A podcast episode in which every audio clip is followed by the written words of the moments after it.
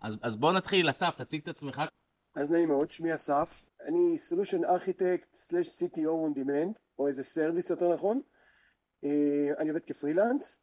אז רגע, רגע, בוא נעשה צעד אחורה. אמרת solution architect, עכשיו זה נשמע כן. מסוג התפקידים הבומבסטיים שעושים עליהם פרודיה בארץ נהדרת. אוקיי? כן. כי בוא, אתה איש עם הפתרונות. זאת אומרת, כולם פה מנסים לפתור משברים, בעיות, ויש מישהו, הוא, הוא אדריכל של פתרונות.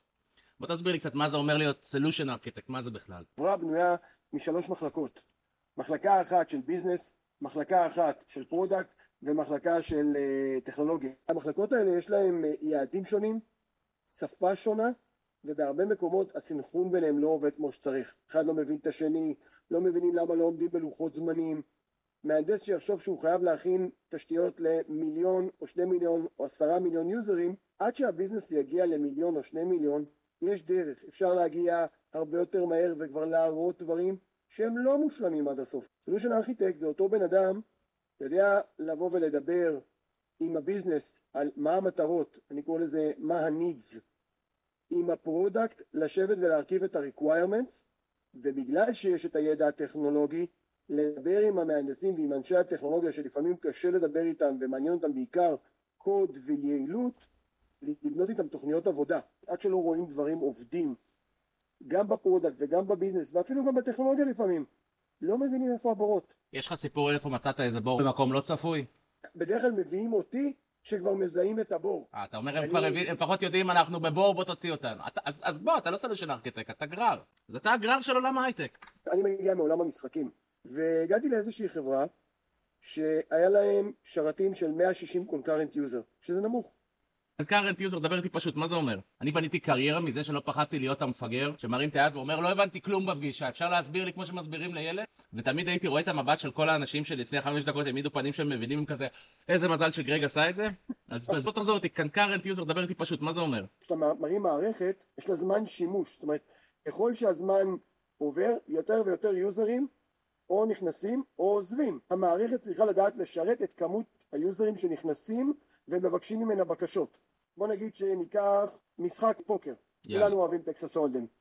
אם אתה נכנס ואתה יושב בלובי, והלובי לא עושה שום בקשות מול השרת, אז אין בעיה, אתה, אתה, לא, אתה לא מייצר רעש. במידה ואתה יושב סביב שולחן, אתה כבר משחק. אז אתה צריך שהשרת בזמן הגיוני ישלח לך שהוא מצפה ממך לתגובה. אם השרת מצפה שתוך 20 שניות תגיב לו על מהלך, אבל עבר 15 שניות והוא בכלל לא שלח לך שהוא מחכה למהלך, שחקן מקבל ארור על זה שהוא לא עשה מהלך למרות שהוא בכלל לא ידע, זה קפץ, עשו, עשו בשבילו פולד, אי אפשר לעבוד ככה.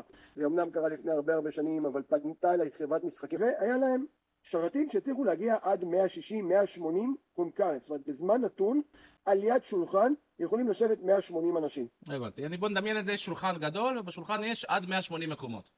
הגעתי לשם, הם בחרו לעשות switch ביום נתון, לעבור ממערכת אחת למערכת שנייה. הערכות זמנים היו שלושה חודשים, אחרי תשעה חודשים הביאו אותי, עולים אחרי שבוע לאוויר, 30 concurrent user ו-31 השרת קורס. אנחנו יושבים ואנחנו מנסים להבין למה. עכשיו כשאתה נובר בפנים אתה מגלה שהמערכת לא מתאימה למשחק.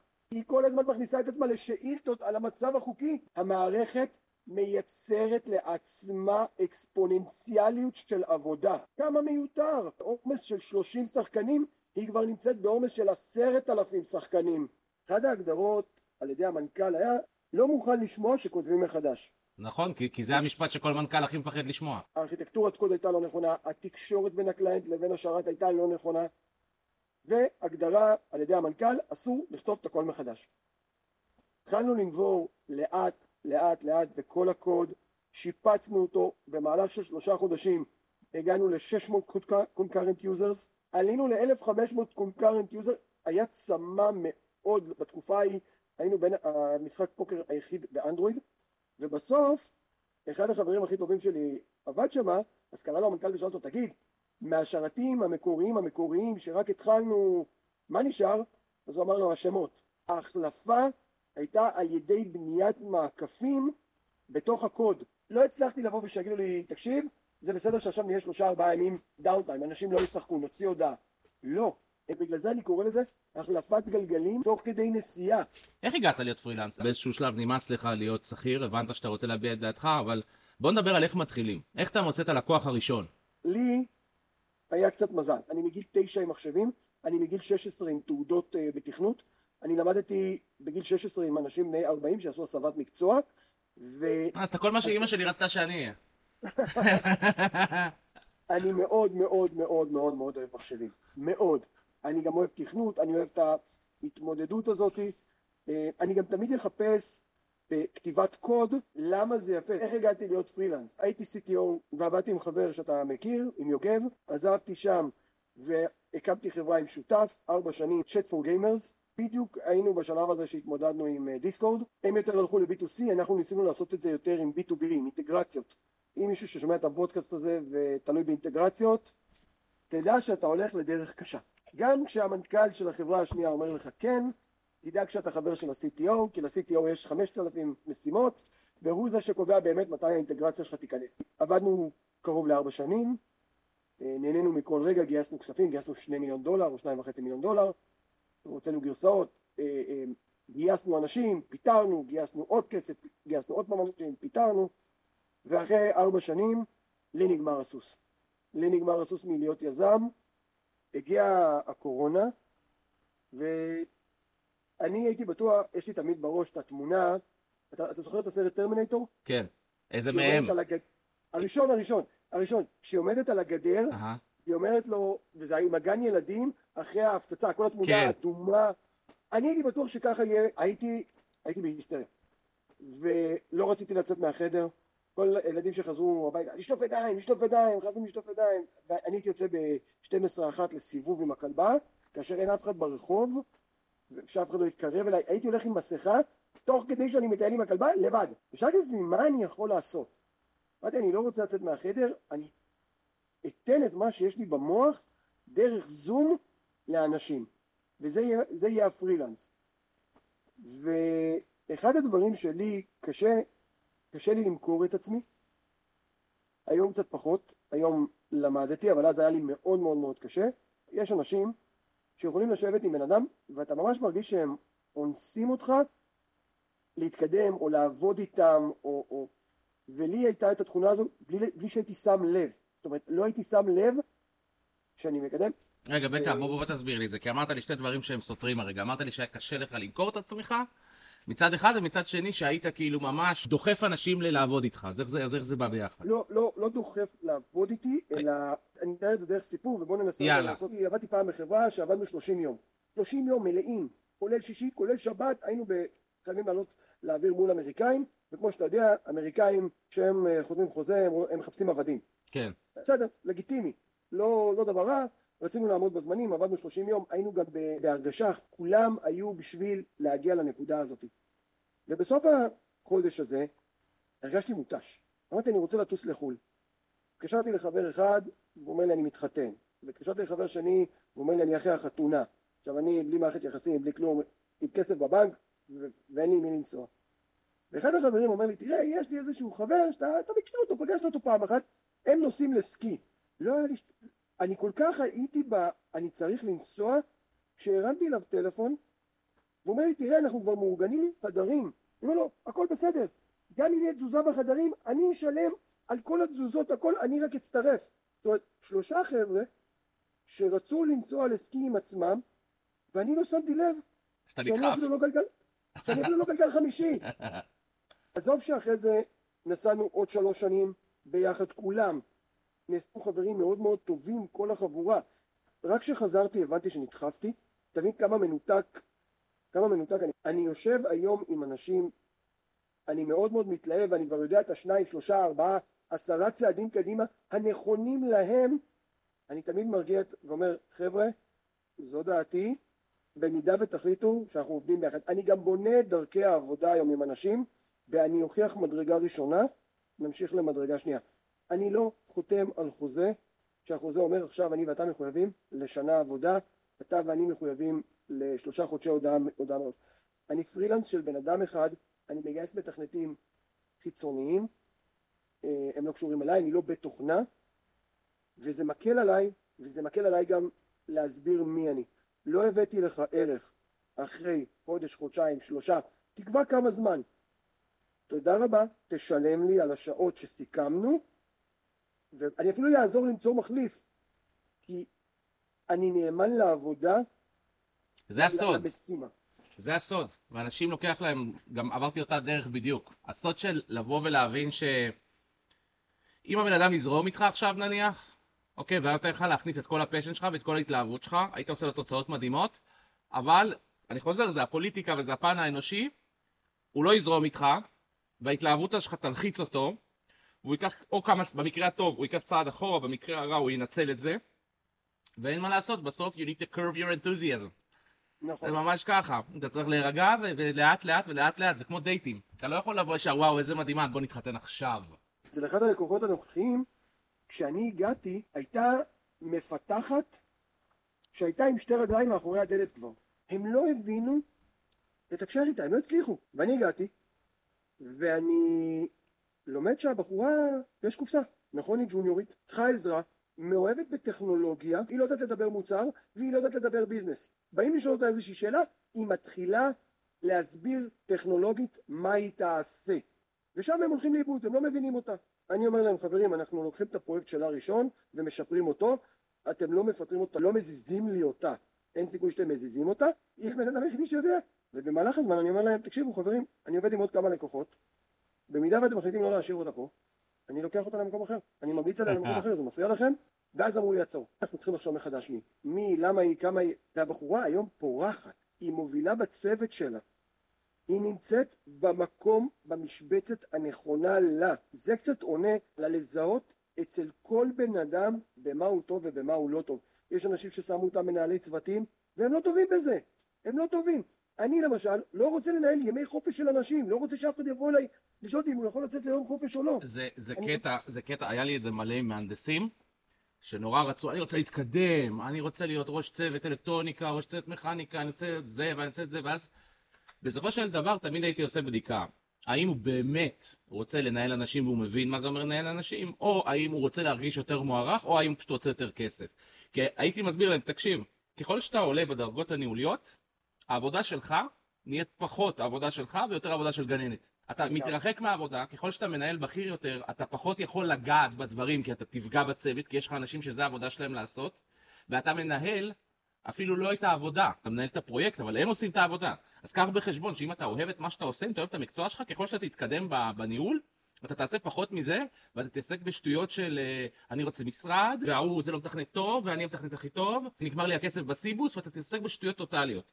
ול- ולרוב, ב-99% מהמקרים הם היו כזה, אה, הבנתי אותו. לא, אני פשוט רוצה עוד כסף. או אני רוצה איזושהי הכרה, אבל בוא, אתה לא רוצה לנהל אנשים, זה לא כיף כמו שזה נשמע, זה עבודה, תמיד הייתי צוחק שמנכ"ל זה העבודה הכי חרא בארגון. אני, אני היום יודע את זה, אני היום מסכים איתך, גם אני בצעירותי רציתי להתקדם למנהל, אבל זה לא מעניין אותי היום. אבל רגע, עזב, בוא נחזור. כן. בוא נחזור. כן, אתה. פרילנס, קורונה, נכון. לקוח, אני, אני תמיד אומר, אוקיי? פרילנס זה כשיש לך לקוח משלם ראשון, לקוח משלם ראשון, ספר לי את הסיפור. קודם כל, אני רוצה לתת פה משפט לכל מי שחושב שהוא רוצה לעבור להיות פרילנס. זה המשפט שאחי אמר לי, והציל אותי, ממש הציל אותי. כי אני בן אדם, אם אין עבודה, אז אני נלחץ. אם, אם אני לא עובד... עכשיו, אתה יושב שבועיים ראשונים, שלושה שבועות, ורצתי לחברים וסיפרתי להם, וכתבתי בפייסבוק, עוד, עוד לא הייתי כל כך בלינקדין אז, היום אני קצת יותר בלינקדין, ו- וכלום, וכלום, ואני, ואני מזיע, אני, אני מייצר לעצמי, אתה זוכר שדיברנו על האקספוננציאלי? כן. שהמערכת מייצרת לעצמה? אני, אני מתחיל לייצר לעצמי את המתח. שאילתות. מה קורה? מה קורה? מה קורה? בדיוק. מה קורה? היום התקדמתי, היום התקדמתי, היום התקדמתי? בדיוק. ובסוף הוא, הוא תופס אותי איזה בוקר אחד ואומר לי, תקשיב אסף, אני חייב להגיד לך משפט, אני מקווה שלא תכעס, אבל שאתה תקבל אותו. לפני שאתה הודעת לעולם שאתה הולך להיות פרילנס, העולם מסתובב. אף אחד לא חיכה שאסף יהיה פרילנס. תן לזה קצת זמן, סבלנות. סבלנות, זה יגיע. ורצתי בשכונה ונפגשתי עם אנשים, ואז הגיע בחור מהשכונה ואמר לי, תראה, יש לי פרויקט בעייתי, אני רוצה שתיקח את האחריות עליו.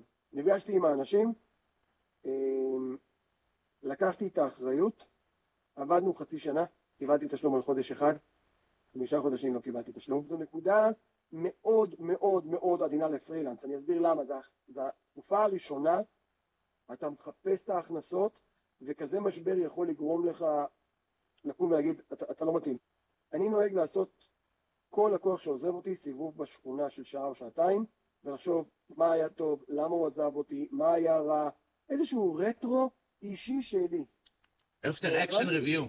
אני עבדתי בתאגידים אמריקאים, קוראים לזה after action review. לקחו את זה מהצבא האמריקאי, אני נהייתי מומחה בזה. אחד הדברים שאני הובלתי ואני עושה עד היום, אני עושה את זה גם כל פרויקט. גם שהצליח. דברים שאני רושם מה עבד, מה לא עבד, זה, זה, אני ממליץ את זה בחום, זה פנטסטי שאתה עושה את זה. חלק מהשינוי הזה של הפרילנס הוא שינוי מאוד מהותי בכל מיני הרגל, גם יש לי שאני פחות אוהב אותם. כן, כי היו כמה נקודות שכשיצאתי לדרך התייעצתי עם זוגתי וקיבלנו, אז, אז after action review עם עצמי, לחזור לדבר איתה, לשתף אותה. איזה קריטי זה בת זוג?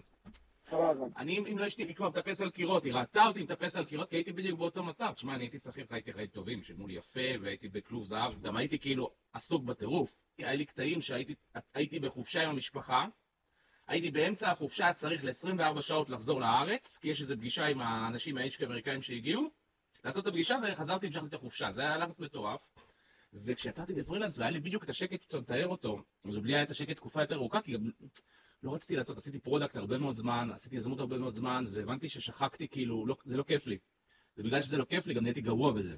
הייתי עדיין יותר טוב מרוב האנשים, אבל לא היה לי את ה passion הזה יותר, ואשתי הצילה אותי פשוט. היא ראתה שאתה משתגע, ואשתי, יש לי מזל, היא דולה, אז היא עשתה את כל המסלול הזה לפניי, של לבנות עסק וזה, ואמרה לי, תקשיב, קח נשימה, לי לקח שנה.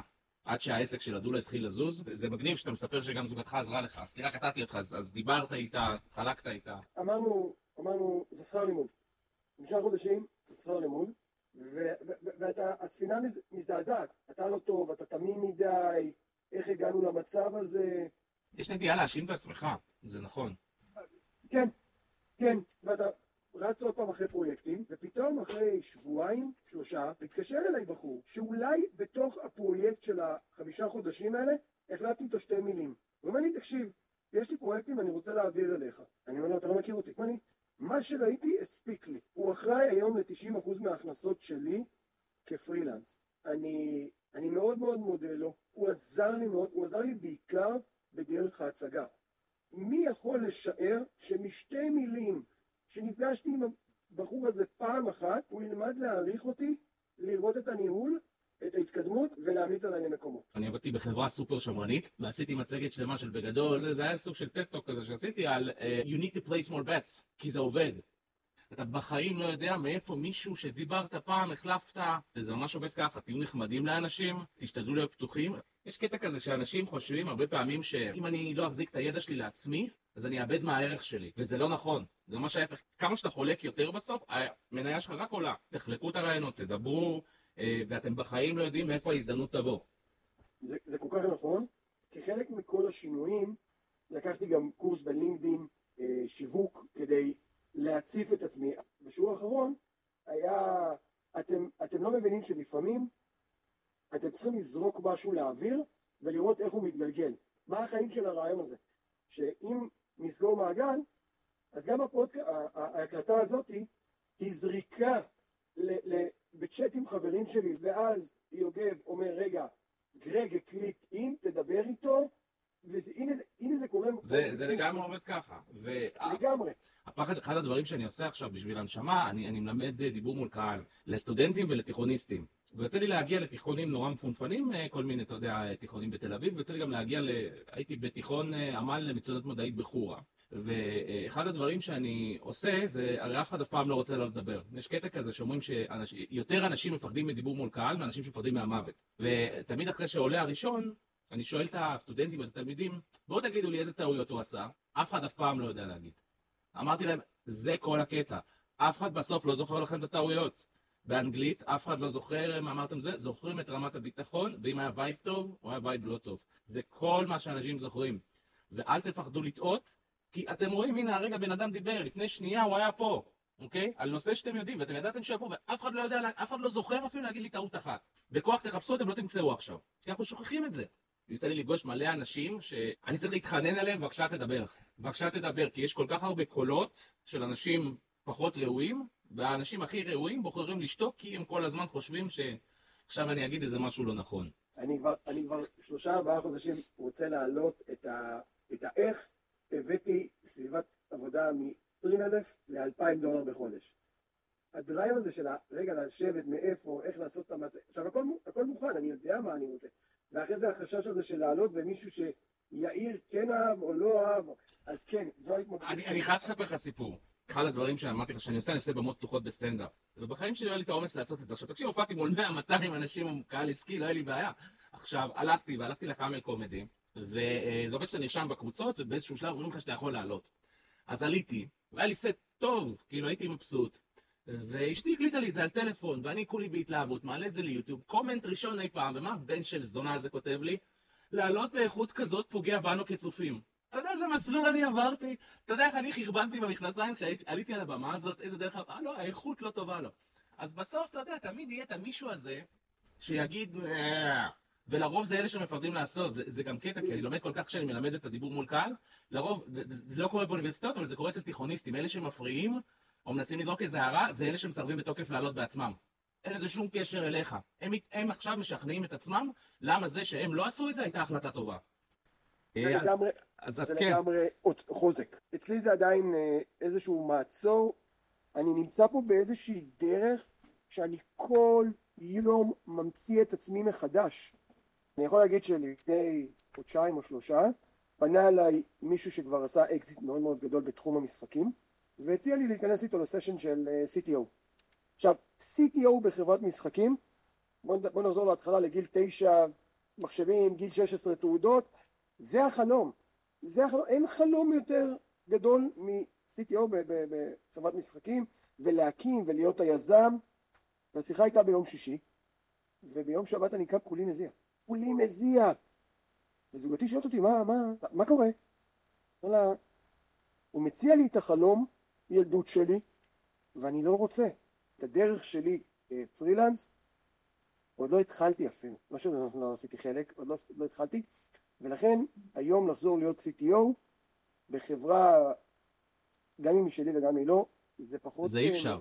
אני, אני חודשיים הייתי במקום, בתפקיד product, והבנתי שאני לא מסוגל. ולא רק כי כאילו היה שם כל מיני בעיות בחברה ודברים כאלה, אבל הבנתי שאה אוקיי, זה בדיוק אותו אלגוריתם שעשיתי אותו כבר מיליון פעם. אני כבר מכיר את כל הבעיות שיש לחברה הזאת, אני כבר יודע את כל השיחות שאני צריך לעשות בחברה הזאת, אני יודע כבר מי צריך ללכת, מי צריך להישאר, מי צריך להחליף. פשוט הבנתי שאני לא מסוגל. ברגע שאתה נכנס לעולם הזה, שאתה נהיה עצמאי או יזם או פרילנסר, קשה מאוד מאוד מאוד לחזור להיות שכיר. כי החופש הזה, שאתה קם בבוקר ואתה אומר, אה, אה, לא בא לי. לא בא לי יותר על הלקוח הזה, הלקוח הזה לא עושה לי טוב, ויש לי עוד שני לקוחות שהם הגיבוי שלי, אז בסדר, אני, אתה יודע, לא אקנה משהו עכשיו, אבל אה, אני מעדיף להרוויח פחות, אבל ליהנות מהחלומות שלי. אני, אני שותף לזה. אני לא יודע איך זה אצלך, אצלי הבנתי שאני סיימתי להתאבד על פרויקטים של אחרים. היה לי עשר שנים בהתחלה מאוד אינטנסיביות, שכאילו הייתי עובד בלילות ולא משנה מה, והייתי עושה עבודה שהיא לא שלי והכל, ורק, וצוות וזה. ובאיזשהו שלב הבנתי, אתה יודע, כשאני אהיה איש זקן, אה, וסביבי לא יהיו כל הקולגות, ולא יהיה סיבוס, יהיו ילדים שיגידו, תגידי, אמא, מי זה האיש הזה? שהיה לפעמים מגיע הביתה, אומר לנו שלום, וקורא סייף מת אה, לישון. הקורונה, אני, זה, זה, זה אירוע מטורף.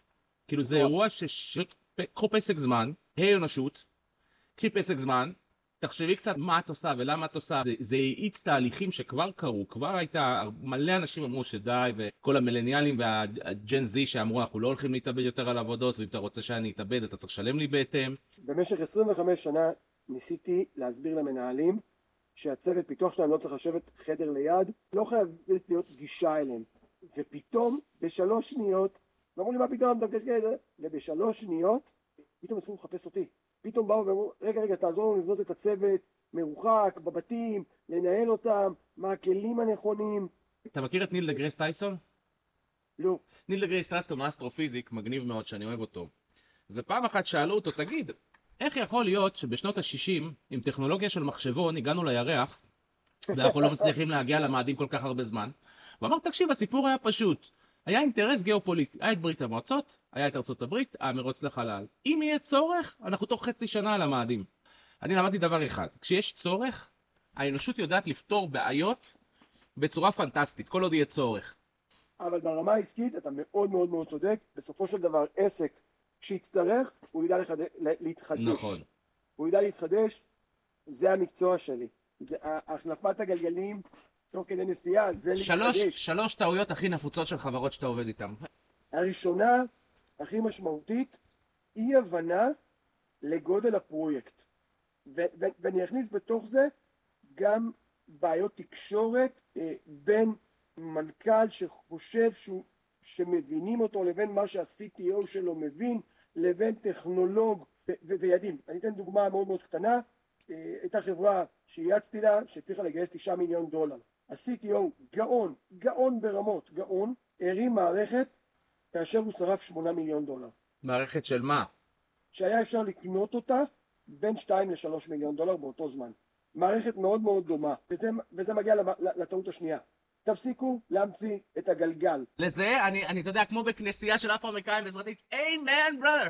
זה, אני מתחבר לגמרי להפסיק להמציא את הגלגל. אני רואה את זה כל כך הרבה. שנייה לפני שאתה נכנס לשנה וחצי של עבודה, בוא ניקח משהו שעובד בין 60 ל-80 אחוז ממה שאתה צריך כדי לקבל תשובות ראשוניות אם אתה בכיוון או לא בכיוון. ונראה בכלל אם מישהו שם לך אימייל שהוא רוצה שתתקשר אליו. עכשיו, יש עסקים שזה מתאים, יש עסקים שזה לא מתאים. הנה, יוצא לי כל הרגש. מקום הזה שבו יזם או, מנ... או מנכ"ל או, או בעלים של חברה, בטוח שאם הוא לא יפתח את הספייסיקס הבא, אז לא ישקיעו בו. לא ישקיעו בו אם הוא ורבלי, ואם הוא יודע למכור איזשהו חזון ולהוכיח את זה מספרית. והוא מספיק שווה או מספיק מאמין. מה לעשות? יש עשרת אלפים משקיעים, אם לא יותר. לא כל העשרה הראשונים שאתה תתפגש איתם, יזרקו עליך כסף. חברים, המשקיע לא מעניין אותו המערכת, מעניין אותו שהמצגת שלך היא טובה. אתה, אתה עסוק במצגת, לא בלהראות לו, אה, בוא תראה רגע את המשחק עובד על הטלפון שלי. אם הוא הסכים לפתוח את הטלפון שלו כדי לראות את המשחק שלך או את האפליקציה שלך, שמע, אתה במצב מדהים. זה לא מעניין אותו, הם מבינים מספרים והם מבינים איך לקטול לך את ה-KPI. הם לא מתעסקים איתך. זה מדהים עד כמה אנשים לא מבינים את זה במשקיעים. שיחה אמיתית עם משקיעה הרבה יותר דומה לשיחה בין הבנקאי לרואה החשבון שלך. כל היופי והרעיונות והחזונות והציטוטים של סטיב ג'ובס יביאו אותך לשלב שהוא מוכן להקשיב לך. משם כדאי לך טוב מאוד להתחיל להסביר לו איך אה, הוא הולך לתת לך איקס כסף ובחזרה הוא הולך לקבל איקס פי 10 ומתי. בדיוק. עכשיו, בוא, גם אם ניכנס למשקיע שהוא משקיע סדרתי, ותגיד לו, זה כרגע בעבודה, אנחנו בשלב X או בשלב Y, או תראה לו דמו, ולא תראה לו את האפליקציה עצמה, כי יש, כי טכנולוגית, הוא יבין, הוא יבין, הוא יבין שאתה בתהליך עבודה. שזה חוזר לגישה שלך בדיוק של שקיפות, תגיד לו מתי יהיה לך. נכון. ותגיד לו, תן, תן לי עכשיו איקס כסף, ותוך איקס זמן אתה תראה את זה. וזה בדיוק מה שמשקיע רוצה לשמוע, כי הוא מבין, אוקיי, עכשיו אני עושה סיכון קטן, ואני מקבל מיילסטון מסוים שבו אני אבין אם אני רוצה להמשיך או לא. בדיוק. זו נקודה אחת. נקודה שנייה, זה טעות במי שבחרת להיות בצוות שלך. זה קורה.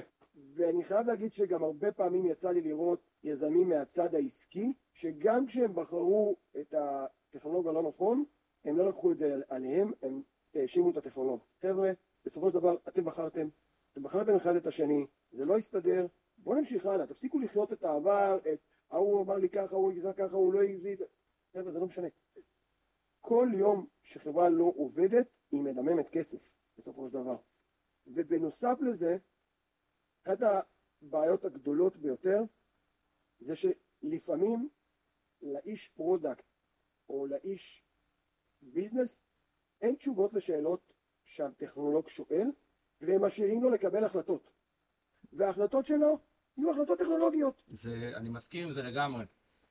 כי כל מה שאתה מתאר זה, זה, זה מה ש, שאני עושה, זה, זה, זה הדבר שהייתי עושה כ product, אני הגעתי ל product מ-strategic planning. אז מה שאתה מתאר, השלב של ה scoping, של להבין מה בכלל עושים, איך אנחנו הולכים למדוד את זה, כמה זמן זה תכלס ייקח, כל השלב של מה MVP, וזה החלטות באות עם זה, אני מתחבר לזה לגמרי, ובארץ נתקלתי שמעט מאוד אנשים אשכרה עושים את זה. זאת אומרת, זה, זה הרבה מאוד, יהיה בסדר, יהיה בסדר. בוא, בוא נחיה עוד יום, בוא נחיה עוד יום. בדיוק. אז, אז לא רוצה, אני בסדר אם יהיה בסדר, אני בסדר, אני אוהב מאוד את יהיה בסדר, אבל תן לי להבין איזה, מה התוכנית. תשקיע בי עוד שתי דקות למנכ"ל או למנהל, מה המטרה, מה אתה רוצה להוכיח. כי אם אתה רוצה עכשיו להוכיח, בוא רגע נדבר, אתה רוצה עכשיו להוכיח שאתה מצליח להביא 20 אלף יוזרים. כמה זמן ייקח לך להביא 20 אלף יוזרים? כי אם ייקח לך חצי שנה, זאת אומרת שאני יכול להעלות לך משהו לא סגור הרמטית מדהים למיליון יוזרים, עובד בסדר על 16, יתחיל לחרוק ב-15, אבל בינתיים אתה ביזנסית יכול כבר להתחיל לעבוד, ואני בזמן הזה מקבילי אליך יכול לשפר דברים, בלי שאתה תשים לב. את זה הם לא לפעמים מתקשרים.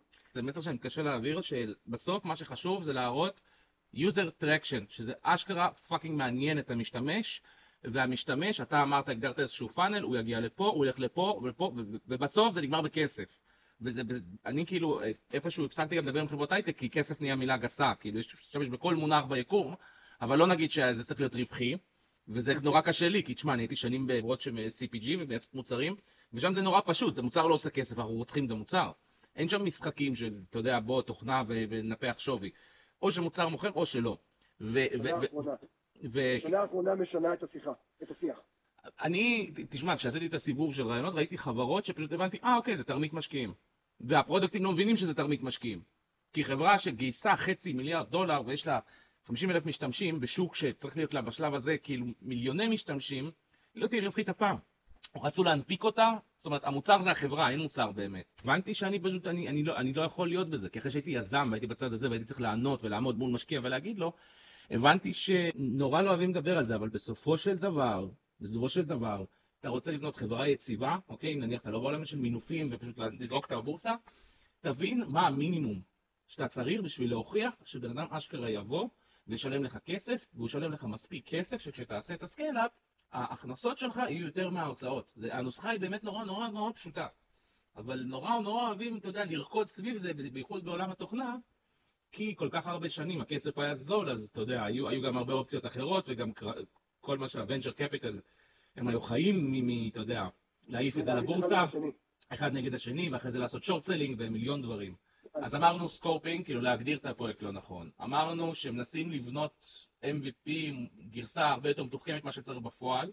נכון. שלישי, מריבים פנימיים, מי אשם, CTO לטכנולוגיות, מה עוד? בתקופה האחרונה התחילו לפנות אליי, חברות שפתאום מזהות קוסט אה, מאוד גבוה בענן, ולא מצליחות להבין איך עושים לזה רידיוס. מה הם צריכים לעשות אה, כדי לצמצם עלויות. והייתה לי איזושהי חברה שה-CTO היה מאוד מאוד מאוד עסוק, והביאו אותי, אני חושב שעבדתי שם חודשיים וחצי או שלושה, והחברה הייתה מאוד קרובה ל-100 אלף דולר בחודש, והורדתי אותם ל-20. עכשיו, אני יושב מהצד ואני אומר, כולם יכלו לעשות את זה. כל אחד היה יכול לעשות, אני מבטיח שהיו עושים את זה. שאלת אותי על טעויות. זה היה פרויקט של משלוחים. עכשיו, המנכ"ל רצה שהכל יהיה אוטומטי. ואני באתי ואמרתי, עזוב אותי מאוטומטי. יש לנו פה 50 טלפנים, בוא ניקח שלושה, כי היה לו עסק נוסף לטלפנים. אמרת לי שלושה, ארבעה, חמישה. כמה הזמנות יהיו? כמה אתה חושב שאנשים יהיו? יגיעו מיליונים, אנחנו עושים פרסומים. אני אומר לו, גם עם הפרסומים וגם אם יגיעו מיליונים, כמה... ואז הוא מאוד רצה אינטגרציה לגט. עכשיו בואו תראה מה קרה. אנחנו מאתר שיכל לעבוד בכל הארץ עם טלפניות בתל אביב שמרימות טלפון לגט ואומרים לגט תיסע מפה לפה משם לשם תביא ולכתוב טיק טיק טיק טיק. הלכנו לגט גט אמרו לנו מגניב. כמה עבודה אתם מביאים לנו? אז אמרנו אז אמרנו טוב זה לא מספיק בשביל אנחנו גט. מה שלך מאה אלף שקל נראה הרבה כסף לגט זה לא מזיז אפילו את ה... את הנקודה באקסל כן בדיוק ואנשים לא מבינים את זה אנחנו לא באותו מקום מה שקרה זה שגט באו ואמרו לו סבבה אתה רוצה אינטגרציה איתנו? בכיף רק בתל אביב. תראה מה קרה לעסק שיכל לעבוד בכל הארץ עם טלפניות בתל אביב שהתקשרו למוניות להזמין משלוחים מיוחדים בגלל שהוא רצה אינטגרציה צמצם אותו רק לתל אביב. עכשיו אנחנו עובדים על אינטגרציה ופתאום עכשיו רגע מה אתה עושה אם בא מישהו מטבריה ורוצה משלוח? אה להגיד לו שאין? ומה אתה עושה עם ספק מטבריה? להגיד לו שאין? למרות שיכלת יכלת לקדם לעצמך את העסק. אז מבחינתי זו הייתה טעות עסקית מהותית שלפעמים צריך לפעמים לחדד, כן, לחדד מה אתה מנסה להשיג. אובר אוטומציה פוגעת לך, יש, יש אה, אה, פודקאסט מדהים של YC, Y קומבינטור, mm-hmm. של Airbnb. ואני לא אעלה את הכל, אני אספר בקיצור את, ה, את, ה, את, את המסר שאני רוצה להבין. לחברות יש שלבים בחיים שלהם, יש להם שלבים. חלק, מהשלב, חלק מהשלבים הנכונים זה גם להיות קרובים ללקוחות, לשמוע את הלקוחות. כשיש לך מיליון לקוחות או עשרה מיליון לקוחות, הרבה יותר קשה לך לקבל מהם מידע. למרות שיש לך יותר, ואתה מקבל הרבה יותר מידע, אבל אתה לא מקבל את המידע של האחד לאחד, הקבוצה הזאת שאתה יושב ומדבר איתה ואומרת לך, תקשיב, הכפתור הזה נמצא במקום הלא נכון, לא נוח לי. אני, אני חושב שזה, דרך אגב, ממה שאני ראיתי, זה skillset שהולך וגוסס. כי product נניח, אני, אני אה, אה, לא מקבל שום תוכנות שמנתחות משוב של צרכנים. אני תמיד כשהייתי מגיע לתפקיד של product, הם תדפיסו לי את כל הקומנטים שיש לכם, וזה אלפים. הייתי יוצא כאילו עם חוברות ענקיות, והייתי קורא אותם אחת אחת בעצמי וממרקר אותם, ו- ושואלים אותי, אתה לא רוצה איזה תוכנה שתעשה לך דוח? אמרתי, לא, אני רוצה להיכנס לתוך זה, כי יש ניואנסים שאתם לא תבינו. כי הרבה פעמים לקוח יגיד, אני רוצה קייס uh, שטוען לי את המכשיר. לא, הוא לא רוצה את זה, הוא רוצה סוללה שעובדת יותר זמן. זה מה שהוא רוצה באמת. ותכלס מה שהוא רוצה, הוא לא רוצה להיתקע בשום תסריט שהמכשיר לא עובד. ומפה, ברגע שאני מגדיר את זה ככה, אני מביא לך אלף פתרונות שונים שהם לא קייס. והרבה פעמים, כאילו, הדבר שהייתי בשוק זה שפרודקטים, הם, לא, הם בכלל לא רואים את הלקוחות, הם רואים רק את המיקס פאנל, הם יושבים רק מול אה, Google Analytics או לא משנה, וזה מה שהם, הם מתפעלי Mixpanel. והרבה פעמים אתה רואה את המה, מה לקוח עושה, ואתה לא מבין את הלמה הוא עושה את זה, או מה היה הצורך האמיתי שלו. זאת אומרת, יצא לי אנשים שמדברים איתי על market fit כשאין להם בכלל מושג מה זה. זאת אומרת, בשביל ה market fit זה, זה אומר שזה יכול להיות בתיאוריה רלוונטי לקהל מסוים, אבל לא עשיתי באמת שום דבר שזה יהיה רלוונטי לקהל הזה. זה רק בתיאוריה יכול להיות רלוונטי. אז אני... והטעות, אני... הטעות הכי הכי הכי גדולה, תוך כדי שדיברת, נזכרתי, הטעות הכי הכי גדולה. אם יזם, עם CTO ועם הצוות לא משתמש במוצר שהם מפתחים, עזוב הכל, בוא נסגור, בוא נלך הביתה. מאה אחוז מסכים. אני, שאלת אותי, בחלק מהיזמות שלי היינו, אה, היה chat for gamers. היינו, עשינו אפליקציית, אפליקציה לטלפון של צ'אט. וכל הצוות, דבר בוואטסאפ. דבר בוואטסאפ. אני מגיע בוקר אחד למשרד, ואני אומר להם, למה אנחנו בוואטסאפ? מי שפונה אליי היום בוואטסאפ, אני לא עונה לו יותר. אומר לי השותף שלי, הוא בחור מאוד מאוד מאוד הוא אומר לי, מה זאת אומרת? לא, אני לא עונה לך יותר בוואטסאפ. אנחנו מפתחים צ'אט. אם אני ואתה לא חווים את הקשיים של הלקוחות שלנו, למה שהלקוחות שלנו ישתמשו? הרבה פעמים, גם ב product וגם בהייטק, הדברים הקטנים האלה של תשתמשו במוצר בעצמכם ותבנו תרבות שאנשים מרגישים בנוח לבוא ולהגיד, תקשיב, המוצר הזה הוא חרא. והוא חרא כי 1, 2, 3, 4, 5, אוקיי? ו- ולא תרבות של, אה, אתה יודע, אני, אני מעדיף לא להגיד שום דבר רע על המוצר, כי אני יודע שה-CTO ייכנס בי, או ה product ייכנס בי, או המנכ"ל ייכנס בי. קודם כל, קודם כל זו נקודה מאוד מעניינת מה שאתה מעלה, וזה מתוך הקשבה. אתה צריך למצוא מה הלקוח שלך רוצה, אומר, ומה הוא באמת צריך. כן. וכמו שאין סנכרון בין business product וגם וטכנולוגיה גם בין השלוש האלה אין סנכרון וזה עבודה מאוד סיזיפית לעלות ו, אמ, ו, ו, ולהבין אני מבין שאתה אומר 1, 2, 3, 4 אבל בכלל אם אני אעשה את 5 אתה תקבל תשובות משהו זה לומדים את זה במכירות במכירות יש מונח כזה גם זה ההתנגדות האמיתית אתה תנסה למכור משהו והוא יתחיל להגיד לך אין לי את הכרטיס אשראי איתי אה, אני רוצה להתייעץ עם אשתי. כל התירוצים הקלאסיים. עכשיו, בתכלס, העבודה של מוכר טוב זה למצוא את ההתנגדות האמיתית. הוא לא סומך עליך, הוא לא הבין את המוצר, הוא חושב שיש מוצר יותר טוב, אבל בסוף, אם מישהו סבל אותך 20 דקות שיחת מכירה, זה לא כי הוא משועמם, וזה לא כי אין לו את הכרטיס אשראי, וזה לא כי אין לו את זה, זה כי יש איזשהו חסם אמיתי, יש איזושהי התנגדות אמיתית, והמשימה שלך זה למצוא את זה, ואני חושב שדווקא שעשיתי הרבה שנים במכירות, זה נורא נורא נורא עזר לי. שבסוף, יש את מה שהלקוח אומר, ויש את ההתנגדות האמיתית שלו. יש את הסיבה האמיתית למה הוא עושה את זה. והוא, והוא, או שהוא לא מבין אותה, או שהוא לא רוצה לחלוק אותה איתך, אבל המשימה שלך כ product זה למצוא את זה. אם מישהו מקשיב לזה עד עכשיו, כל הכבוד לו. אתם, אתם מוזמנים לוויסקי. תרימו לי טלפון, תכתבו לי comment. עזרת לי מאוד כי יש נקודות שאני יותר עצור בהן, יש נקודות שאני יותר תקוע. אני מאוד אוהב לספר סיפורים. בנושא סיפורי הטכנולוגיה רק התחלנו, זאת אומרת יש לי כל כך הרבה סיפורים אה, של מקרים ולפעמים אתה נכנס לחדר ואתה אומר כאילו מה הם חשבו שהם עשו? אני אספר לך משהו, אה, חברה שה-CTO שלה, השותפים שהקימו את החברה מאוד לא טכנולוגיים וגם לא אוהבים טכנולוגיה, סבבה? איזה שילוב טוב. כן, לא, לא רוצה להגיד לך שהם בזים לטכנולוגיה, או, או...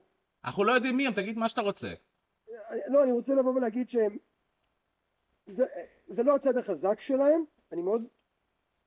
יש דברים שלי נראים בצורה אחת, ולמדתי יום, א', להיות קצת יותר מעודן, וב', שסיטואציה מסוימת יש לה זווית יותר רחבה מרק הזווית שאני רואה.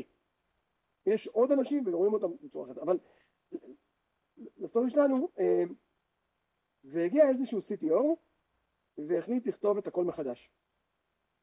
והלכו איתו. הלכו והקימו צוות, וחלק מהבחירה שלו הייתה בחירה של לבחור בגו-לינג. לא יודע אם אתה מכיר? לא מכיר. שפת תכנות, שפת תכנות מבית uh, גוגל, גו-לינג. שהדבר המשמעותי ביותר שלה זה ביצועים, ביצועים וזיכרון. רק אממה, העסק זה עדיין לא עסק שהוכיח את עצמו. וכשהיה מחלוקת בין אחד היזמים ל-CTO, אה, הוא בא להתייעץ איתי, אמרתי לו, רק תבדוק אם ה-CTO עשה את מה שאז הוא אמר ותכנס את הכל בגו. הלך, בדק, חזר אליי, אמרתי לו, אתה יודע משהו, עזוב הכל, אז תתנצל. הוא אומר מה פתאום, אבל אני צודק. הוא אומר לו, אתה צודק, אבל איך תתנצל? אומר לי, למה? אני אומר, תקשיב, בארץ בגדול יש בין 300 ל-500 אנשים שיודעים Go, ברמה שאתה צריך. רובם גם עובדים בגוגל. אני לא רואה אף אחד מהם עוזב את גוגל. קיצר עשיתי עוד הפסטה בביצים. זה הפחד תמיד, תמיד, של אנשים לא טכנולוגיים כמוני, שמביאים business ומביאים product, זה תמיד הפחד מה-CTO. שהוא יכתוב את זה בצורה שהוא אחרי זה יחזיק אותי בביצים. אבל למה הוא תפס אותם בביצים? הוא תפס אותם בביצים, כי את המינימום, לפי דעתי, שהיה צריך לעשות, לראות, לשאול את השאלות. לשאול את השאלות, מה ההשלכות שעובדים בגו? כאשר נהיה עם מיליון יוזרים, אז אותה מערכת תוכל לשרת מיליון מאה ולא תשע... מה השלכות? אבל אנחנו לא במיליון, אנחנו כרגע בחמישים אלף. עכשיו, פתאום לגייס עוד בן אדם, העלויות הן שונות. הזווית של העלויות. ולמה אני מדבר על זה? כי אצל לקוח שלי, כשבאנו לעשות את השינוי של, אחד הלקוחות שבאנו לעשות את השינוי המשמעותי באחד הפרויקטים, ונכנסתי ואמרתי לו, תקשיב, אתה עובד באנגולר, אבל אני הולך להעביר אותך לריאקט. הוא אומר לי, בוודאי, אתה אוהב ריאקט, אתה מעביר אותי לריאקט. אמרתי לו, לא, אני מעריץ של Vue.js. סתם, זה הכל פריימורקים. הבנתי, כן. אני, המוח שלי עושה את התרגום, אתה אומר Vue.js, הוא עובד עוד שפת תכנות כלשהי. כן, framework של עבודה ל front-end. אבל אני בחרתי React כי האנשים יותר זולים, יותר זמינים, ול Vue אני יכול לגייס אנשי React, אבל אני אצטרך ללמד אותם. אתה לא חברת הייטק שגייסה, אתה כל דולר שאני מוציא לך מהכיס, זה מהכיס שלך, זאת אומרת כל דולר שאני מוציא על פיתוח, אני אשכרה מכניס יד לכיס, מוציא את הדולר מהכיס שלך ושם אותו. אני מתחשב במה שאתה צריך, ויש לי יותר אנשי React. הם עולים לי פחות, ואני יכול להחליף אותם הרבה יותר. ה backend שלנו בנוי ב TypeScript, למה? כי אני יכול להזיז בן אדם מ front ל back, כי זה אותו דבר. הצורך שלך כרגע הוא ב-100 אלף, 150 אלף, אז אני אפעיל עוד שרת. אתה יודע כמה עולה עוד שרת בחודש? כמה? 500 דולר. אבל... אתה יודע כמה עולה עוד מפתח? 4,500 דולר. אני חושב אבל שזה למה חברות צריכות אנשים כמוך שבאים מהצד, כי אתה לא צריך להוכיח את הערך שלך, ואתה לא צריך מה שנקרא לנטוע שורשים, שאם יחליטו מחר לעקור אותך, שזה יהיה כואב. וזה באמת למה אני חושב שזה קריטי לחברות אה, לשקול לעבוד עם יותר אנשים כמוך, כי אתה יכול לבוא מהצד ולהגיד את הדבר הכי חשוב, להגיד את האמת, בלי שום אינטרס פוליטי. כי יועץ חיצוני הוא בא, עושה עבודה טובה והולך. הוא לא, לא אכפת לו, אין, אין לו קידום. לא, הוא לא מחפש משרד, הוא לא מחפש טייטל, הוא לא מחפש להיות מנכ"ל, הוא לא מחפש להיות זה. וזה מקום... אני לא מאיים על ה-CTO. אני לא מאיים, כי אני לא רוצה. אתה לא רוצה את העבודה שלו. לא רוצה. כן. אני בא לנסות לתת יד. בדיוק. וגם אם אני לא, וגם אם אני לא, הכל תודה, הכל בסדר. ואופציות נוספות, לבוא להציע, חבר'ה, אולי נגייס שם שניים שלושה מפתחים שמכירים את הדרך, שה-CTO לא חשב על זה, רגע בואו נעלה, האם אתם רוצים יותר מהר, אז מה התקציב? וזו באמת הנקודה. כן, זאת אסטרטגיה של זה בעצם, זה, זה מה שנקרא לעבוד לא רק בתוך העסק, אלא לעבוד על העסק. מאותה סיבה לחברות גדולות יש בורד, כי הבורד יודע להסתכל מלמעלה, מבלי שהוא בתוך העסק עצמו. אה, בסוף, בסוף, בסוף חייבים, חייבים להביא אנשים שיודעים גם להסתכל על דברים מהצד, ואין להם מחיר לאמת. לעובד תמיד בסוף, כמה שלא תנסה, ויצא לראות מלא כאלה, מנכ"לים, הדלת שלי תמיד פתוחה. הדלת שלך תמיד פתוחה, אבל אנשים שתחתיך יפטרו כל עובד שיבוא אליך. והם לא יפטרו אותו, יקטינו אותו, זה, אז, אז הדלת שלך פתוחה, אבל הסמנכ"לים שלך הם ממש לא באותו ראש איתך. ובסוף דווקא היועץ החיצוני הוא זה שבא עם הביצים הכי גדולות כי אין לו מה לאבד. מקסימום יגידו לו לך תחפש, הוא ילך, יחפש, ימצא עוד לקוח. מצאת, אפילו מצאת את הטייטל הפרק, היועץ החיצוני.